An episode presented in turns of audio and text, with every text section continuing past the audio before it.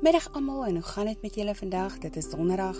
Dit is laat Paasnaweek alweer amper naweek. Um die naweek wat verby is, die lang naweek was so belangrik vir vir elkeen van ons, nie net in ons as 'n lang naweek om te rus nie, maar die belangrikste naweek in ons geestesgeskiedenis waar ons Pappa Vader vir ons aan die kruis gesterf het en sy bloed gestort het. En as gevolg van hom wat sy bloed vir ons gestort het en sy liggaam vir ons opgeoffer het, word ons genees en het ons voorsiening en ehm um, het hy ons sonde vir ons gedra en daarom word ons vergewe en het ons soveel van Jesus en God se guns. En omdat hy leef sien ons kans vir môre.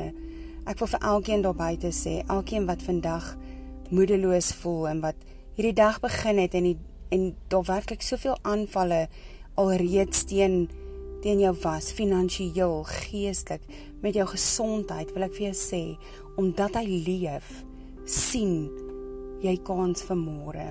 Weet jy wat omdat hy leef, omdat hy sy bloed vir jou gestort het, omdat hy sy liggaam vir jou opgebreek het en weer opgestaan het, is daar reeds voorsiening vir jou gemaak vir jou gesondheid, finansiëel, vir dit wat jy nodig het.